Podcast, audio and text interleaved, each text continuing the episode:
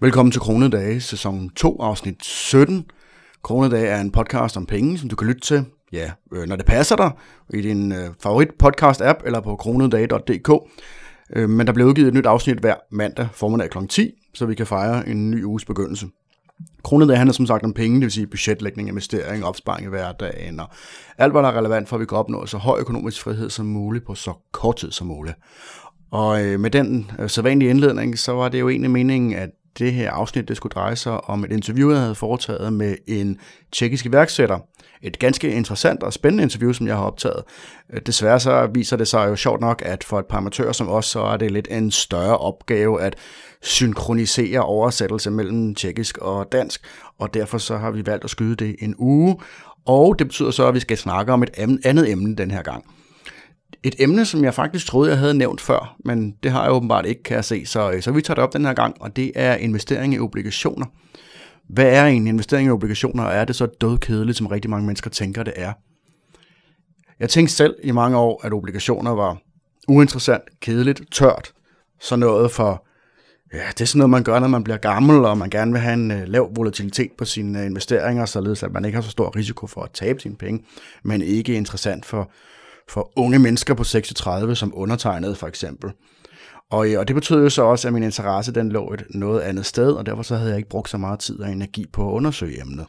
Det har jeg så senere gjort, og jeg er faktisk øh, blevet sådan lidt... Øh, hmm, det er måske ikke mit favoritemne, men jeg synes faktisk, at det er, det er ganske interessant på mange planer. Særligt da jeg fandt ud af, at der var noget, der hed virksomhedsobligationer, eller måske endda fandt ud af, hvad det var for noget, og hvad indtjeningen var for det, på, på det.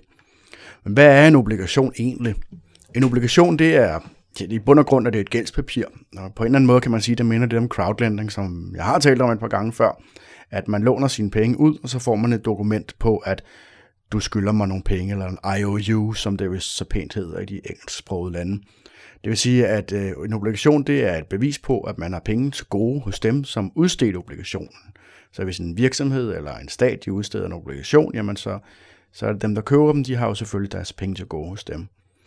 Obligationer de bliver øh, modsat for eksempel crowdlending, så bliver det handlet på børsen, ligesom aktier faktisk gør sig. Og, og på mange måder så minder det om, om aktier i den måde, som det som bliver handlet på. Øhm, forskellen er så, at en aktie, der er man jo medejer af en virksomhed. Når man køber en aktie, så er man, så er man reelt, ja, så man købt sig ind i en virksomhed, og man er med til at eje den. Når man køber en obligation, jamen så har man lånt penge ud til virksomheden, så man ejer ikke virksomheden, men, øh, men de skylder ind nogle penge man kan sige overordnet, så er der to måder at tjene penge på og investere sine penge i obligationer. Som udgangspunkt så drejer det sig om, at man genererer et afkast i form af renteindtægter. Man udlåner sine penge, så modtager man sit, sit, gæld, sit gældsbevis, og så, og så modtager man så løbende renter, indtil gælden den er blevet betalt tilbage. Hvad enten afdragene de sker sammen med gælden, øh, eller sammen med renten hver måned, eller de sker som sådan en balloon payment i, i, øh, ved, ved lånets ophør. Man kan sige, at det er jo sådan rimelig simpelt, og, og, og det er også øh, relativt sikkert, så længe at låntager de bare er i stand til at leve op til de her forpligtelser. Udover renten, så er der også potentielt en mulighed for, at man kan tjene eller man kan tabe på kursudsving. Øh, obligationer de bliver jo udstedt til det, der hedder kurs 100. Det vil sige, at låntager de skylder for eksempel 100 kroner eller euro eller dollar, eller hvad det nu kan være for en obligation. Det er så ikke alle investorer, som ønsker at beholde obligationen helt frem til indfrielsesdatoen, altså indtil lånet udsted, eller udløber. Og det betyder jo så, at de sætter det til salg på for eksempel, eller oftest på, på børser. Nogle de køber så obligationer for at holde det som en relativt stabil investering, indtil der så opstår en, en bedre investeringsmulighed, og så sælger de den så videre. Og ligesom med aktier, så betyder det jo, at hvis man køber til kurs 100, så er det ikke sikkert, at man sælger igen til kurs 100. Og det kan have meget at gøre med, med især noget med renten at gøre, men selvfølgelig også noget med, med risikoen, og, og hvis låntager de er blevet mindre, øh, det er mindre sandsynlighed for, at låntager rent faktisk vil betale lånet tilbage, så kan det jo også have en negativ effekt på, øh, på kursen, altså på salgsprisen. De her øh, købere, som man eventuelt sælger sine obligationer til, de kan jo være mere eller mindre interesserede Øhm, lad os sige, at renten for eksempel i mellemtiden er steget. Hvis obligationen er udstedt til en rente, som er lavere end det, man umiddelbart kan få i andre investeringer, jamen så skal dem, der køber obligationen, de skal jo selvfølgelig have obligationen til en lavere pris. Ellers så giver det ikke nogen mening, så de bare investere deres penge et andet sted og få en højere, højere øh, rente. Man kan så således sige, at øh, kursen det er markedsprisen på en obligation. Og som obligationsinvestor, så bør man derfor være bevidst om, at der er en sandsynlighed for, Øh, eventuelle rentestigninger kan gå ud over værdien af ens obligationer. Omvendt så er der jo selvfølgelig mulighed for, at, at lånet bare bliver afdraget til, til kurs 100. Hvorfor skal man så investere i obligationer? Obligationer, det tilbyder blandt andet nogle muligheder for øh, passiv indkomst, som jeg var en lille smule inde på i forbindelse med renter. Øhm, de fleste andre aktiver, de giver ikke den her mulighed for at få sådan en, en løbende passiv indkomst. Crowdlending gør selvfølgelig, men aktier for eksempel, jo, der er udbytteaktier, som helt klart også er en mulighed for at få en passiv indkomst, men udbytte svinger ret meget i forhold til obligationer, hvor der jo netop ligesom er en kontraktlig øh, rente, der skal betales. Så noget investeringer af guld og andre ting, øh, der er jo selvfølgelig slet ikke nogen fast indkomst, der er man ligesom nødt til at realisere en eventuel gevinst, før man får noget ud af det. Obligationer det giver også mulighed for, at man kan diversificere sin portefølje med, med nogle mindre volatile aktiver, så, øhm, så for eksempel en portefølje ikke udelukkende består af aktier, så man spreder sine over, investeringer over flere aktivklasser, det vil sige guld, aktier, obligationer, øh, crowdlending og sådan nogle ting, jamen øh, så er man også mindre udsat for øh, fluktuationer, altså prisudviklinger inden for de enkelte, øh, inden for de enkelte aktivklasser. Og så er det også det, at obligationer typisk er negativt korreleret med aktiekurserne. Det vil sige, at når aktierne de stiger, så falder obligationerne, og når aktierne falder, så stiger obligationerne. Det er ikke sådan en en til en overhovedet. Altså, der er masser af perioder, hvor at begge stiger, eller hvor begge falder, men hvis man sådan kigger over lidt længere perspektiv, så er det jo øh, så er der en negativ korrelation mellem de to øh, priser. Og det giver jo også meget god mening, kan man sige, at når aktiemarkedet det er i frit fald, så er der mange, der gerne vil trække deres penge ud og flytte dem over i noget, der er lidt mindre volatilt, og det får selvfølgelig obligationskurserne til at stige.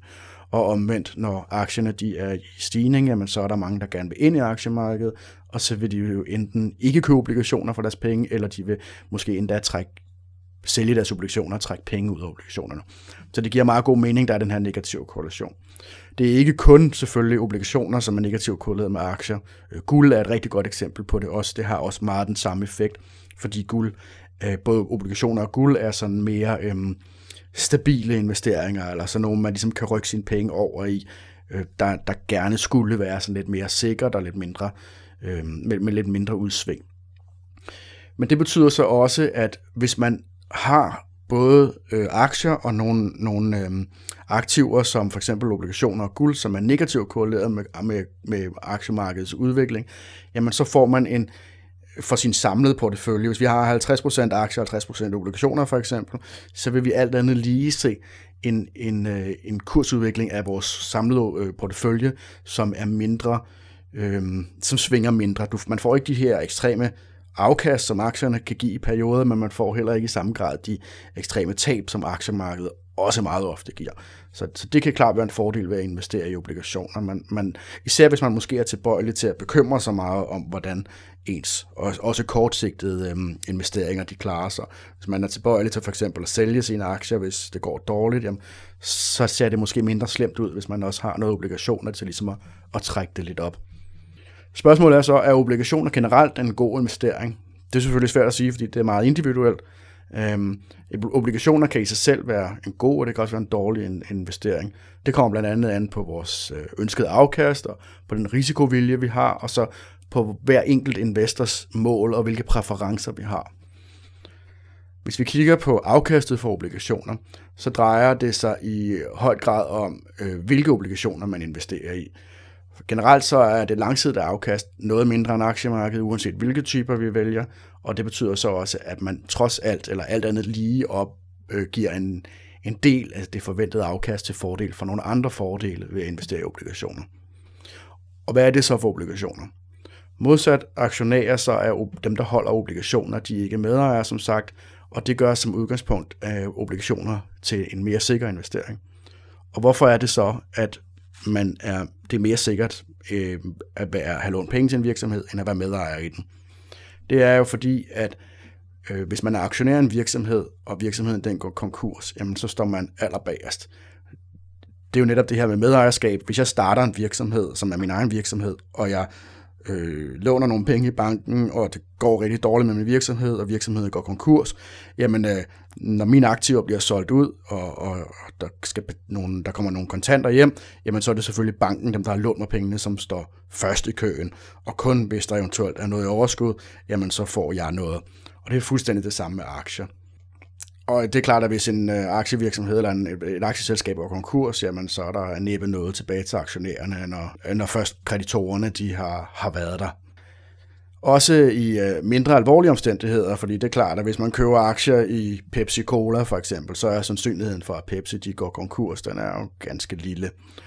Og, øh, men, men selv øh, en situation, hvor at de måske ikke går konkurs og ikke engang er i risiko for konkurs, hvis nu selskabet bare klarer sig dårligt, måske er i knibe, eller bare har en, en faldende indtjening i en periode, jamen hvis de har udstedt nogle selskabsobligationer, eller virksomhedsobligationer, jamen så har de jo stadigvæk et kontraktuelt øh, bundet krav om, at de skal betale den her gæld, og de skal betale den til de renter, som står i obligationen, så længe det overhovedet kan lade sig gøre. Så selv hvis selskabet de har tab, og, øh, og obligation, eller aktiens kurs den er faldende og alt muligt, jamen øh, så længe de kan betale, så længe de ikke erklærer sig konkurs, jamen så vil dem, der har, øh, dem, der har øh, obligationer, dem, der har selskabets obligationer, jamen de kan være meget sikre på, at de får deres penge. Og så kan det godt være, at man får meget mindre, end man kunne have fået ved at investere i aktierne, hvis det var gået godt. Til gengæld så er det meget mere stabilt, og det er meget mere solidt, kan man sige. Man kan dermed sige også, at hvis vi er i gode tider, så er det mere indbringende at være aktionær. Altså, det er jo der, hvor at aktiemarkedet det er i opadgående tendens. Øh, og det er aktionærerne, som tjener rigtig meget, når en virksomhed tjener gode penge. Øh, og, men under dårlige tider, hvor, hvor at, øh, det, det går dårligt på aktiemarkedet, og øhm, firmaerne ikke tjener så mange penge, eller hvad det nu er, der sker, der er handelskrig og sådan nogle ting, jamen så er det obligationsejerne, som står bedst. Og det er jo lidt det samme som nævnt det her med, hvis jeg har et firma, og jeg har lånt banken nogle penge, jamen hvis mit firma klarer sig rigtig godt, jeg siger, at jeg har lånt en million kroner af banken, det kunne jeg aldrig finde på, men hvis nu jeg har gjort det, og jeg brugte den her million kroner på at investere i mit firma og, i, og vækste det på en eller anden måde til en rente på 10 procent, lad os bare sige et eller andet tal, jamen hvis jeg nu begyndte at vækste med hundredvis af procent, og jeg tjente millioner og millioner, så ville banken stadigvæk kun få de 10 procent i rente. Til gengæld, hvis jeg var virkelig dårlig til at tjene penge, jamen så var det jo selvfølgelig stadigvæk en, en mere sikker investering for banken. Nå, men hvis vi siger, at man tjener nogle penge på obligationer, så er det jo ligesom med så godt som alt andet her i landet, at det skal beskattes, og øh, hvordan er skatten så på obligationer? Ofte så kan skatten være højere for afkast ved obligationer end aktier. Ikke altid, øh, men generelt. Og det drejer sig primært om øh, en investor, som tjener under ca. 55.000 kroner om året. Og det, det, det skyldes, at obligationer det betegnes som en kapitalindkomst, og øh, modsat aktieindkomst, og, øh, og dermed så beskattes det typisk med en sats på mellem 36 og 42 procent, alt efter anden indkomst, hvad man ellers tjener fra investeringer og, og arbejde og sådan nogle ting. Skatten på aktie, den starter derimod ved 27 procent. Så længe man er under den her progressionsgrænse på omkring 55.000, jamen så betaler man i citationstegn kun 27 procent. Øhm, og hvis man så endda køber aktierne gennem aktiesparekontoen, jamen så kan man jo faktisk få en skat helt ned til 17 procent. Det er lidt sjovt, at øhm, man i Danmark synes, at 17 procent er en lav skat, når det i andre lande vil man anse det for at være en høj skat. Men det er så en anden sag. På samme måde som crowdlending og, og alle andre renteindtægter, så beskattes øh, renteindtægter fra obligationer årligt, øh, hvorimod for eksempel aktie, eller hvorimod aktieinvestering eller afkast ved aktier, det kun beskattes efter man har realiseret sin gevinst som udgangspunkt. Så er der nogle afvielser omkring ETF'er og sådan nogle ting, som jeg ikke vil bruge øh, meget tid på. Men som udgangspunkt, så betyder det jo så, at når man har fået renter ind fra sin crowdlending eller sine obligationer, jamen øh, så skal man betale skat, og så har man færre penge at geninvestere. Hvorimod, hvis man investerer i aktier, og man bare lader dem stå og vokse, jamen så vil man have en højere rentes renteeffekt. Rentes renteeffekten har jeg vist nævnt mere end adskillige gange i den her podcast. Til gengæld så er der så også mulighed for, at man kan modregne sin kapitalindkomst i personfradraget, og så dermed så kan man faktisk komme til at betale meget lidt i skat, især hvis man ikke har anden indtægt. Det har jeg skrevet en artikel om faktisk. Øh, hvis du går ind på pengepuren.dk og skriver i søgefeltet 14.000, så vil du kunne se, hvordan at man faktisk kan med en kombination af aktier og obligationer eller crowdlending vil øh, faktisk kunne slippe næsten helt for at betale skat så længe man kan leve for et relativt lavt beløb. Man går ind pengepuren.dk og søg efter 14.000, så skal du nok finde den. Kort sagt så afhænger skat på obligationer således af flere individuelle forhold, og øh, hvis man er typisk investor, så slipper man i det mindste for at holde øje med satserne, der danske mælere automatisk indberetter til skat. Så det er selvfølgelig en fordel både for aktier og obligationer, modsat crowdlending, hvor man selv skal have styr på det. Men øh, hvilke typer obligationer findes der så? Overordnet set, så, øh, så kan jeg identificere tre typer af obligationer. Og det er statsobligationer, virksomhedsobligationer og så de danske realkreditobligationer. Statsobligationer, det er, at når staten de synes, de har brug for nogle flere penge, som for eksempel vores stat, der lige har hævet øh, statsgælden med 150 milliarder cirka i forbindelse med det her corona jamen øh, så kan de vælge at udstede nogle obligationer. I praktisk så sker det ved, at Nationalbanken udsteder øh, statsobligationer, og så sælger de dem videre via bankerne til det her åbne marked, hvor at investorer så kan købe dem på, på børserne. Øhm, staten de stiller jo så også, det er dem, der udsteder obligationerne, derfor så stiller de også betingelserne om rente og løbetid og den slags. Men investorer kan jo så selv vælge, om de vil købe de her obligationer, som, som matcher de her betingelser. Så selvom staten selv vælger betingelserne, jamen, øhm, hvis ikke de kan komme af med obligationerne, så har de jo, altså de er ligesom nødt til at tilpasse betingelserne på en måde, sådan at folk de faktisk gider at købe dem. Det er også muligt for investorer at købe udenlandske statsobligationer i både øh, lokale valutaer og i de store internationalt udbredte valutaer. Og det er faktisk meget udbredt, at man kan købe øh, tyrkiske statsobligationer eller brasilianske statsobligationer, både i, i lokale valutaer, men også i, i euro eller i, i dollar, og nogle gange også i pund. Og i USA, der udsteder mange kommuner de her, eller municipalities, de udsteder de her municipal bonds, som er ret populære derovre i USA, fordi at der er nogle helt særlige skattefordele. Jeg har ikke sat mig helt ind i det, men det er vist noget med, at øh, man faktisk kan slippe for at betale skat af den rente, man får på municipal bonds.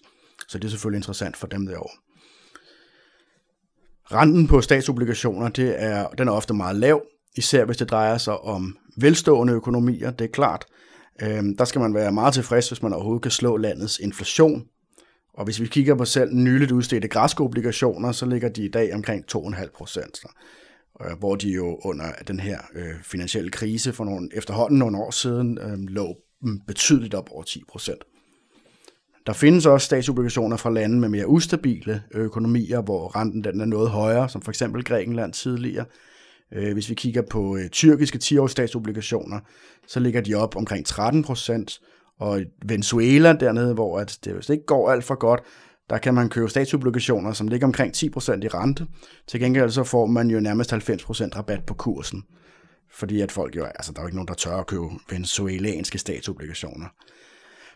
Øhm, hvis man køber statsobligationer i landets eget valuta, så skal man jo så også være opmærksom på risikoen for, at staten de ligesom i citationstegn afvikler deres gæld ved bare at trykke en hel masse penge, og dermed så undervurdere, eller underminere de købekraften af dine investeringer. Og det er jo så også derfor, at mange af dem de udsteder dem i dollar eller euro, fordi at så er der øh, så har man større tillid til statsobligationen, fordi at man ved, at de ikke bare kan, kan øh, øh, inflatuere sig, de bare ikke bare kan, kan trykke en hel masse penge og dermed bruge inflationen til at komme ud af gæld. Det er statsobligationer. Så er der virksomhedsobligationer.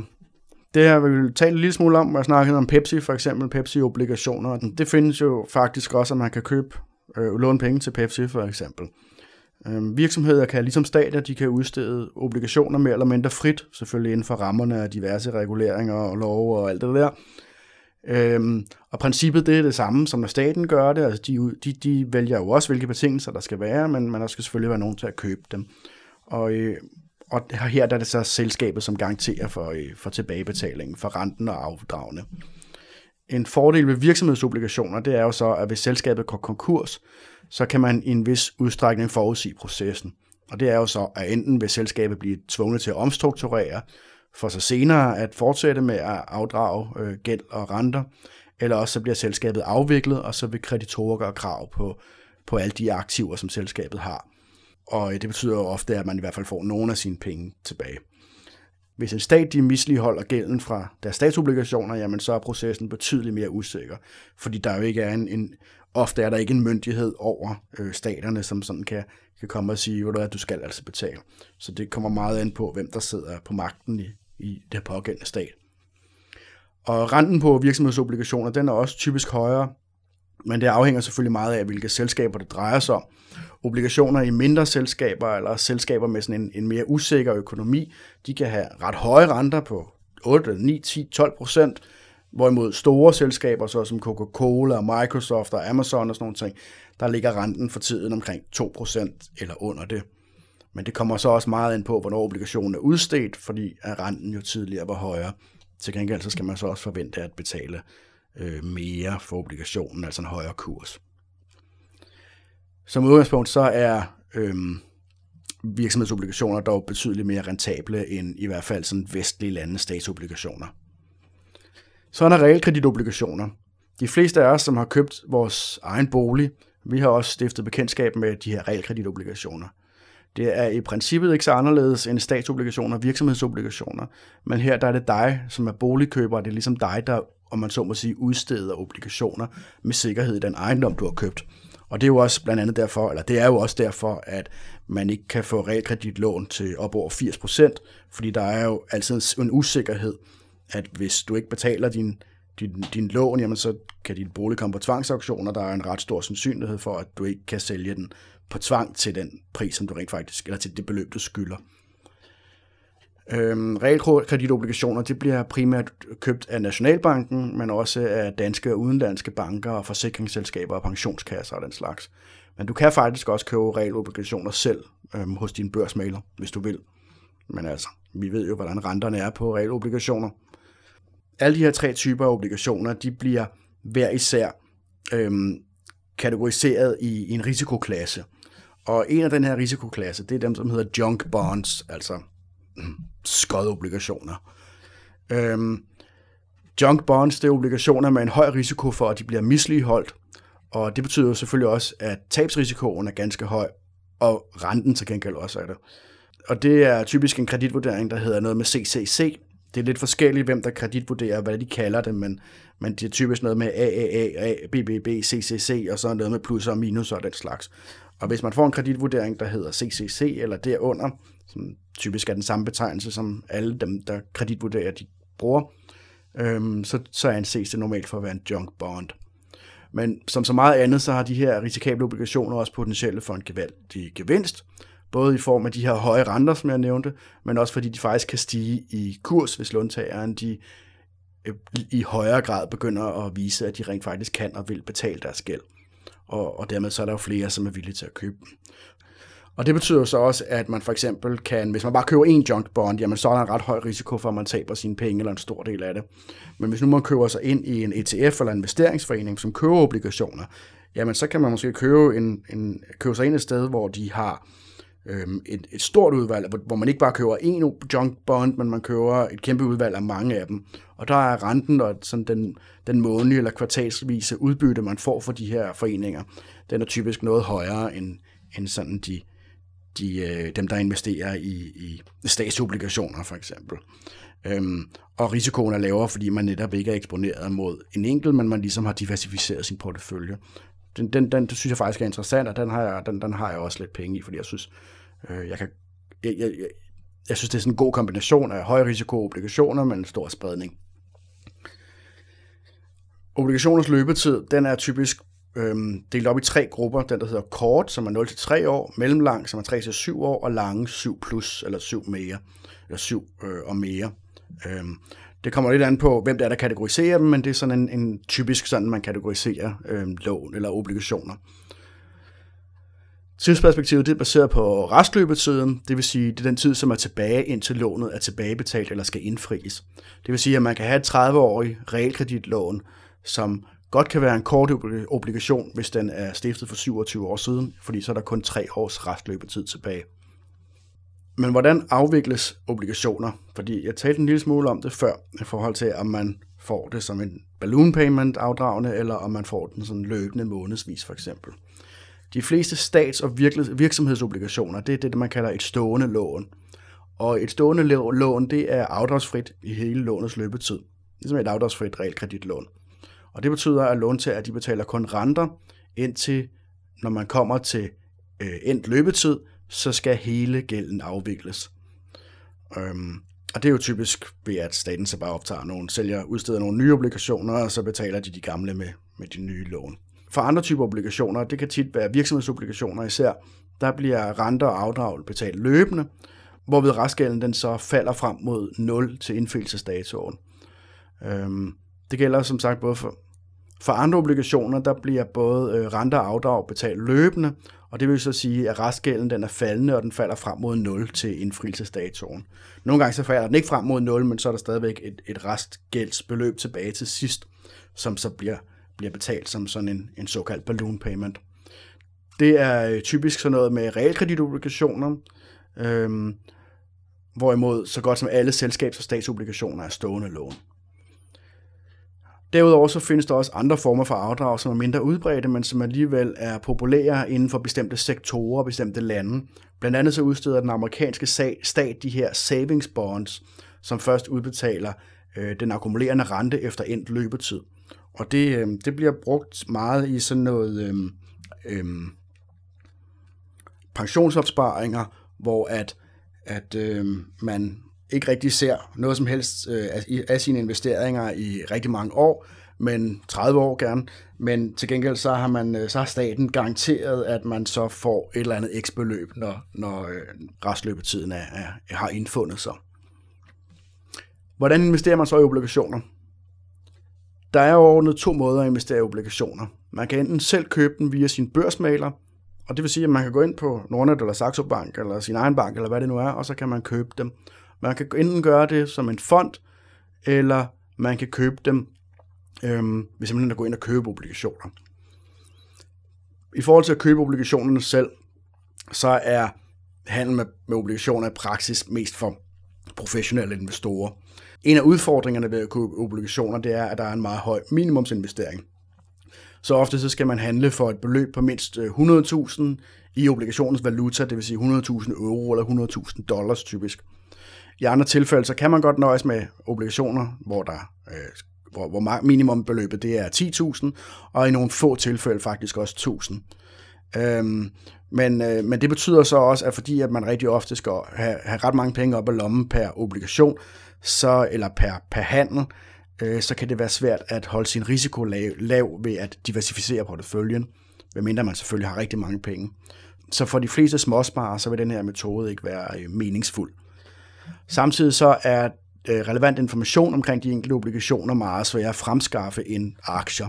Og det har vel noget at gøre med, at de fleste synes, at aktier er mere spændende, og, øh, og det er den information, der efterspørges. Øh, de her digitale børser, som jeg i hvert fald har brugt, de gør ikke et særligt stort nummer ud af at opgive relevant data om de tilgængelige obligationer, og så er det ofte ikke muligt at google sig til oplysningerne. Hvis jeg gerne vil vide et eller andet, og hvad er price earnings for Pepsi, PepsiCo, så, øhm, så kan jeg bare google sætningen, og så finder jeg svaret til det. Eller jeg kan slå det op på nogle af de mange hjemmesider, som tilbyder den slags information. Hvis jeg nu gerne vil vide, hvad er løbetiden på en bestemt duplikation, så er det ikke sikkert, at jeg overhovedet kan finde den online. Så det kan i hvert fald være meget mere omstændigt. Øh, og man kan faktisk være nødt til at ringe til, til dem, som, som ligesom øh, handler dem, eller har udstedt dem for at kunne få svar på sådan noget. Så hvis man selv ønsker at udvælge lån, jamen så mener jeg umiddelbart, at crowdlending det er et fint alternativ, i hvert fald i en vis grad. Øh, handelsomkostningerne og minimumsinvestering er meget, meget lavere, og som sagt, så er crowdlending grundlæggende det samme som at købe unoterede obligationer udstedt til privatpersoner eller mellemstore virksomheder. Nogle crowdlending-platforme de tilbyder endda et, det her sekundære marked, hvor man kan købe og handle investorer imellem, så det vil sige, at man kan øh, man har god mulighed for, at man kan sælge sine, sin, sin, ikke sine obligationer, sine, sine, øh, sine lånedokumenter tidligere, hvis man har brug for pengene. Til gengæld så er der ikke mulighed for, at man kan låne penge ud til øh, meget store veletablerede virksomheder som Pepsi for eksempel, fordi de jo netop udsteder obligationer, de kaster sig, så vidt, så vidt jeg ved, ikke ud i crowdlending. En anden måde, man kan investere i obligationer, det er, at man kan købe en fond, som jeg nævnte tidligere lidt. Der findes et rigtig stort udvalg af både danske og internationale investeringsfonde, som giver adgang til et bredt udvalg af både danske og udenlandske obligationer. Der er obligationer alligevel er lagerbeskattet som kapitalindkomst, som nævnt, så behøver man heller ikke at forholde sig yderligere til, hvordan den enkelte fond beskattes, modsat aktiefonde, hvor det kan være lidt af et hyr at finde ud af, hvordan beskattes denne her, jeg gerne vil have. Så kan man dermed også nemmere fokusere bare på, hvilke type obligationer man er interesseret i, og ikke tænke så meget over, over skatten. Øh, køb af fonde med obligationer, det er lige så simpelt som at købe fonde, der investerer i aktier. Det vil sige, at de kan handles hos en dansk børsmaler, hvor afkast og investeringer som sagt automatisk bliver indberettet til skat. Det er også en ret stor fordel. En reel ulempe ved at benytte fonde frem for selv at købe obligationer, det er jo selvfølgelig, at der er nogle administrationsomkostninger. Når man køber en fond, jamen så skal de have nogle penge for at administrere den her fond. Men i dag der udbydes ret mange ETF'er med årlige omkostninger, som er under 0,1 procent, og derfor mener jeg ikke, at det i sig selv bør afholde investorer fra at benytte sig af dem. Øhm, I betragtning af, hvor stor fordel man har ved at købe sådan en fond, hvor man får en rigtig stor spredning, så skal man have nogle ret gode grunde til selv at gå ud og købe obligationerne for at spare det der meget lille gebyr. I øvrigt et gebyr, som man ikke betaler, men som bliver trukket sådan fra fonden. Altså fonden, de trækker penge ud af deres egen konto, som man betaler i form af, at fonden bare er en lille smule mindre værd, øh, end den ellers ville have været. Øh, en anden fordel er jo så også, at man faktisk kan få udbetalt månedligt udbytte, så hvis man investerer for at få et passiv, øh, passiv indtjening, som for eksempel også med, med udbytteaktier, jamen så kan nogle af de her ETF'er med obligationer, de kan give netop den her faste månedlige indtjening, som jeg personligt rigtig godt kan lide. Så er det store spørgsmål jo så, hvis man synes, at obligationer er interessant, hvor meget skal man så investere i dem? Og det er netop et godt spørgsmål, og det afhænger ligesom så godt som alle andre investeringer, så afhænger det af din risikovilje og om hvilke obligationer du er interesseret i. En klassisk modelportefølje, en modelportefølje, model, en modelportefølje, det er sådan en, en, et setup, hvor man kan sige, at en modelportefølje, det er den, der hedder 50-50, hvor at man har 50% aktier og 50% obligationer. Man kan også have en, der hedder 3333333333. det er en modelportefølje, som kunne være 33% aktier, 33% obligationer, 33% guld. Og der findes en kæmpe bunke af sådan nogle modelporteføljer. Men som sagt, den klassiske, det er den, der hedder 50-50, og øhm, ved at have 50 aktier og 50 obligationer, jamen så mindsker man volatiliteten betydeligt i forhold til en portefølje, som primært eller måske kun består af aktier. Til gengæld så er det forventede langsigtede afkast så også lavere. Så man må gøre øh, sig nogle overvejelser omkring, hvorvidt man vil have en højere risiko, og dermed også potentielt højere afkast, eller om man godt kan leve med et lavere afkast, men til gengæld også lavere volatilitet og lavere risiko. Der er ikke nogen garanti for, at bare fordi aktiemarkedet har klaret sig rigtig godt i gennemsnitligt over de sidste 100 år, og de også kommer til at gøre det de næste 100 år. Øhm, så udover at spørge sig selv, hvor meget bør man investere i obligationer, så er det lige så vigtigt at spørge, hvilke obligationer skal jeg investere i. Og også her, der afhænger det af den enkelte strategi. Er formålet, at man vil parkere sine penge til en lille rente med høj øh, sikkerhed, eller lav risiko, vil jeg måske nærmere sige, eller er formålet at tjene en mærkbar, reel passiv indkomst? Og dermed er der også et, et tilknyttet spørgsmål, der er, hvad er min risikovilje, som sagt. Ønsker man for eksempel vestlige statsobligationer med nærmest intet afkast, men ret høj sikkerhed? Eller vil man have virksomhedsobligationer fra veletablerede selskaber med lidt højere rente? Eller vil man gerne have for eksempel de her junk bonds fra usikre selskaber og kurstroede stater, hvor der er et potentiale for store øh, tab og store gevinster? Uanset hvad man vælger, så er det for de fleste vedkommende både lettere og meget øh, mere sikkert at investere via en eller flere fonde, som sagt. Det giver en større spredning, og, øh, og det kræver betydeligt mindre forarbejde. Det var dagens podcast om investering af obligationer, et emne, som jeg synes ikke har fået den opmærksomhed, som den måske bør have. Øhm, jeg håber, du kunne bruge det til noget, og hvis du synes, du kunne bruge det til noget, jamen så prøv at gå ind på pengepuren.dk slash support. Det var vist dagens podcast. I må passe godt på jer selv derude, og have det rigtig godt, og nyd den smule sommer, vi trods alt har i Danmark.